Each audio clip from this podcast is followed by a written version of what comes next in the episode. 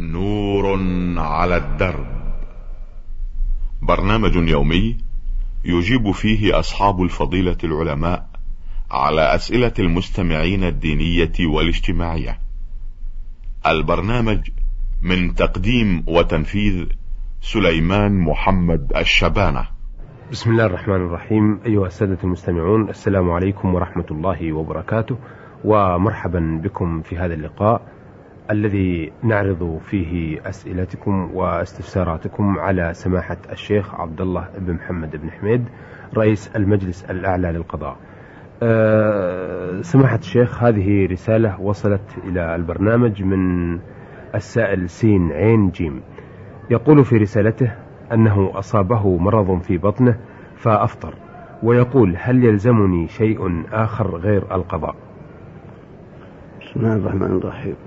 يا أخ سين عين سين عين جيم.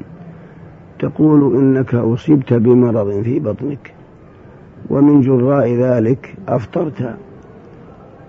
ما دام أنك أفطرت لعذر لا حرج عليك لا يكلف الله نفسا إلا وسعها. والدين يسر ما جعل عليكم في الدين من حرج. عليك القضاء. تقضي ذلك اليوم الذي أفطرته ولا إثم عليك ما دام أن فطرك لعذر حصل بك وهو المرض. والله أعلم. أحسنتم. أيضا له سؤال آخر وهو حول قضية وعد بزواج. يقول إن شابا تقدم لخطبة شابة قريبة له وأهلها يعلمون هذه القرابة وخاصة أمها وذلك من مدة طويلة ولكن أمها ولكن أمها تدفع هذا الشاب مدعية أن هناك ظروفا معينة ثم أخبروه بأن البنت تحرم عليه لأنه رضع من جدتها فهو خالها. فهل فهل يقتنع هذا الشاب بكلام أم البنت وتصبح البنت من محارمه أو ماذا يعمل لينساها؟ يا أخ سين عين جيم تقول إن شابا خطب شابة من أقاربه وأن أمه أمها تعلم ذلك ولكنهم اعتذروا لظروف معينة. أخبرت الأم بأن الشاب قد ارتضع من جدة البنت وهي إما أم أمها أو أم أبيها. لم تفصل في سؤالك لكن على كلا التقدير التقديرين إن كنت رضعت من جدتها فأنت خالها.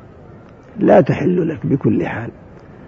أما خبر أمها فنعم يقبل إذا كانت ثقة وأمينة وقالت إن والدتي قد أرضعتك. فتكون خال للبنت وأخ للأم. فإذا كان الحال على ما ذكر وأن المرأة التي هي الأم ثقة وأمينة فإنها لا تحل لك لأن خبر الرضاع يقبل فيه امرأة واحدة. إذا قالت المرأة قد أرضعتكما أو قالت امرأة أخرى أنا أشهد بأن فلانة أرضعت فلانا وفلان أو أرضعت فلان. فبشهادتها ما دامت ثقة وأمينة يقبل قولها يقبل قولها لأن هذا أمر لا يطلع عليه إلا النساء غالبا. والله أعلم. طيب هو أيضا يقول ماذا يقال لمثل هذه الأم التي جحدت هذا الخبر ووعدت بالوعود المماطلة لهذا الشاب؟ قلنا إن, إن الأم إذا كانت ثقة نعم. فيقبل قولها. وكونها وعدته لم ي... لم يمر في السؤال أنها وعدته. إنما يقول الشاب إنها تماطلني كذا. نعم. ثم أيضا لو وعدته ثم أخيرا أخبرت يحتمل أن تكون ناسية السابق ثم تذكرت فيما بعد. ما دام أنها ثقة وأمينة يقبل قولها. فإن لم تكن ثقة ولا أمينة فقولها لا يقبل. أحسنتم. هذه رسالة وصلت إلى البرنامج من الشريف أحمد عبد الكريم من مكة المكرمة.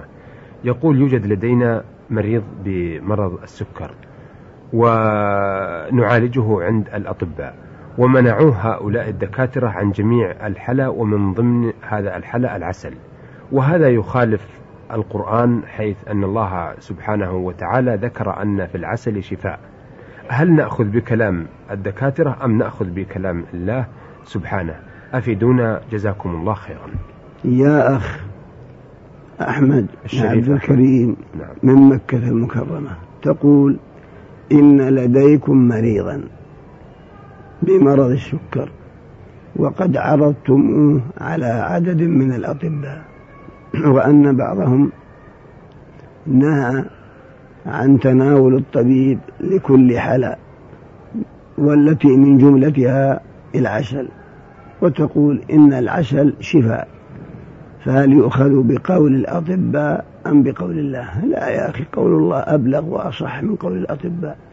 قال الله تعالى وأوحى ربك إلى النحل أن اتخذي من الجبال بيوتا ومن الشجر ومما يعرشون ثم كلي من كل الثمرات فاسلكي سبل ربك ذللا يخرج من بطونها شراب مختلف ألوانه فيه شفاء للناس. لا شك أن العسل شفاء ولكن في الغالب أن العسل لا يأتي صافيا بل يمزج ويخلط بما ليس منه. مما يجعله مما يجعله غير عسل صافيا. أما العسل الصافي فلا شك أن قول الله أبلغ وما جاء في القرآن أصح من قول الأطباء مهما كانت حالتهم والله أعلم. أحسنتم. هذه رسالة من المستمع عدنان السيد صالح جمهورية اليمن الديمقراطية الشعبية.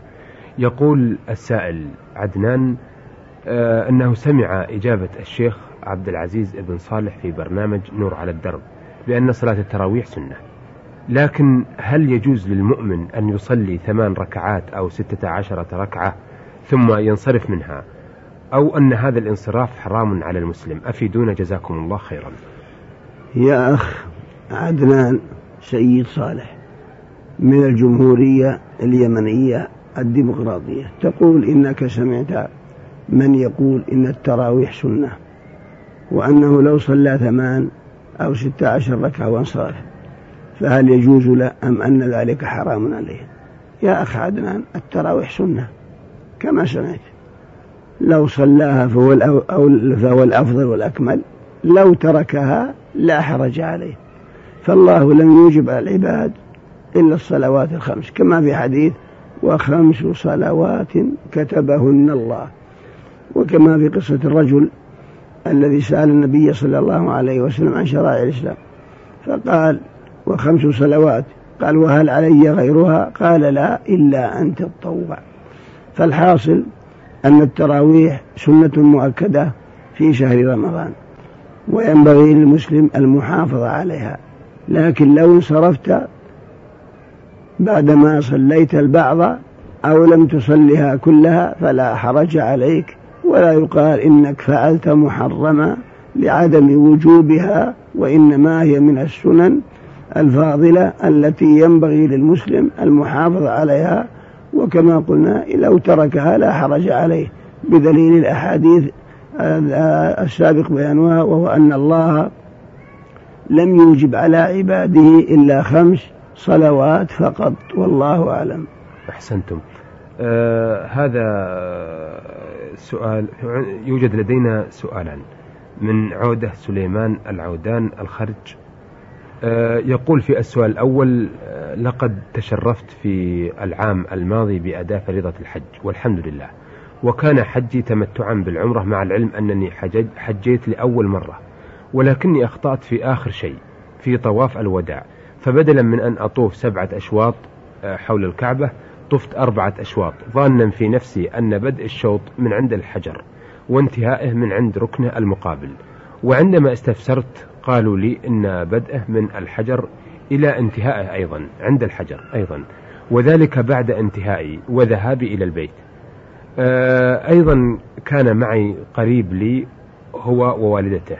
حيث طافوا معي نفس الطواف ظانين أنني على صواب. مع العلم أنني والله أعلم كنت أفكر في نفسي أنني على صواب. ولا حول ولا قوة إلا بالله. نرجو الإفادة وفقكم الله. يا أخ عودة سليمان العدان من الخرج. تقول إنك حججت في العام الماضي متمتعا بالعمرة إلى الحج وأنك أديت مناسك الحج على الوجه الأكمل. ما أدى طواف الوداع وهو أنك لم تطف إلا أربعة أشواط لم تكمل. ومع قريب لك ووالدته عملوا مثل عملك مقتدين بك. إذا كان الأمر كما ذكرت وهو أنك أديت طواف الإفاضة وطواف العمرة كاملا وإنما الذي نقص هو طواف الوداع فقط فعليك دم والحج صحيح إن شاء الله. وكذلك الذين معك الولد ووالدته كل منهم عليه دم لأنك في الحقيقة لم تطف طواف الوداع وقد تركت واجبا من واجبات الحج وهو طواف الوداع. فمن ترك واجبا فعليه دم وهذا الدم تذبحه في مكة أو توكل من يذبحه في مكة ويوزعه على الفقراء. وبهذا تبرأ ذمتك ويتم حجك إن شاء الله. وتكون على هذا مؤديا لطواف الوداع حكما والله أعلم. أحسنتم. السؤال الثاني من آه، أسئلة آه، عودة سليمان العودان من الخرج يقول لقد قمت بالرجم عن عماتي وكذلك عن والدي فهل يجوز ذلك؟ أفيدون جزاكم الله خيرا. يا أخ عودة سليمان العدام من الخرج تقول إنك قمت بالرجم عن عماتك وعن والدك. نعم يجوز. إذا كان يلحقهم في الرمي مشقة بينة.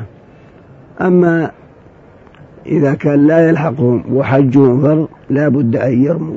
فإن كان حجهم نفل يجوز لك أن ترمي عنهم مطلقا مشقة عليهم أو لم يكن هناك مشقة.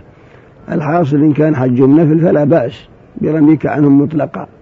وإن كان حجهم فرض فهذا لا يجوز أن ترمي عنهم إلا إذا كان الرمي يشق عليهم إما لكبر سن أو للزحمة الشديدة. فأرجو أن لا حرج إن شاء الله. والله أعلم. إن شاء الله. شكرا لكم. آه هذه رسالة من آه مجموعة من المستمعين محمد مبارك زويمر وعلي سالم حسين وناصر علي حسين ومحمد صالح الهمامي يقولون إذا كان الشخص له بنت عم ورضع معها ثلاث رضعات وقد بدأ يأكل الطعام ولا يزال في السنتين فهل يجوز أن يتزوجها أم أنها حرام عليه؟ يا أخ مبارك زويمر أنت وجماعتك تسألون عن رضاع وهو أن شخصا ارتضع من امرأة. ثلاث رضعات في السنتين الأوليين من عمره. فهل يجوز له أن يتزوج تلك البنت التي رضع معها؟ الرضاع المحرم هو خمس رضعات وما دون الخمس لم تكن محرمة. فإذا كانت واحدة أو ثنتين أو ثلاث لا تحرم. لكن لابد نعرف معنى الرضعة إيش هي. ليست الرضعة بالمعنى الذي تفهمون من أنه لابد يشبع. فالطفل إذا التقم الثدي ومص ثم تركت تعتبر رضعة ثم عاد ومص وتركت تعتبر رضعة ولو كان في مجلس واحد وفي حالة واحدة. لأن الرضعة هو إذا مص الطفل ثم وقف أو ترك الثدي. لأن النبي صلى الله عليه وسلم قال لا تحرم المصة ولا المصتان. فإذا كانت ثلاث رضعات كما ذكرت لكن الرضعة يمص ثم يترك ولو ولو للتنفس ثم يعود ويمص ثم يعود ويمص. تعتبر خمس رضعات. ولو كانت في مجلس واحد وما تسمونها رضعة. فلأن العبرة بالتقام الطفل للثدي ثم مصه ثم تركه ثم عودته ولو كان في حجر أمه. يعني في حالة, في حالة واحدة. والله أعلم. أيها الأخوة إلى هنا ونأتي على نهاية هذا اللقاء الذي آه، عرضنا فيه آه، أسئلة واستفسارات. الأخوة سين عين جيم والأخ الشريف أحمد عبد الكريم من مكة المكرمة والأخ عدنان السيد صالح من جمهورية اليمن الديمقراطية والأخ عودة سليمان العودان من الخرج والأخوة مبارك زويمر وعلي سالم حسين وناصر علي حسين ومحمد صالح الهمامي من جمهورية اليمن الديمقراطية الشعبية. وقد عرضنا أسئلتهم واستفساراتهم على سماحة الشيخ آه، عبد الله بن محمد بن حميد رئيس المجلس الأعلى للقضاء. نشكر سماحته على هذه الإجابة القيمة. حتى نلتقي بحضراتكم إن شاء الله تعالى. نستودعكم الله. والسلام عليكم ورحمة الله وبركاته. نور على الدرب. برنامج يومي يجيب فيه أصحاب الفضيلة العلماء على أسئلة المستمعين الدينية والاجتماعية. البرنامج من تقديم وتنفيذ سليمان محمد الشبانة.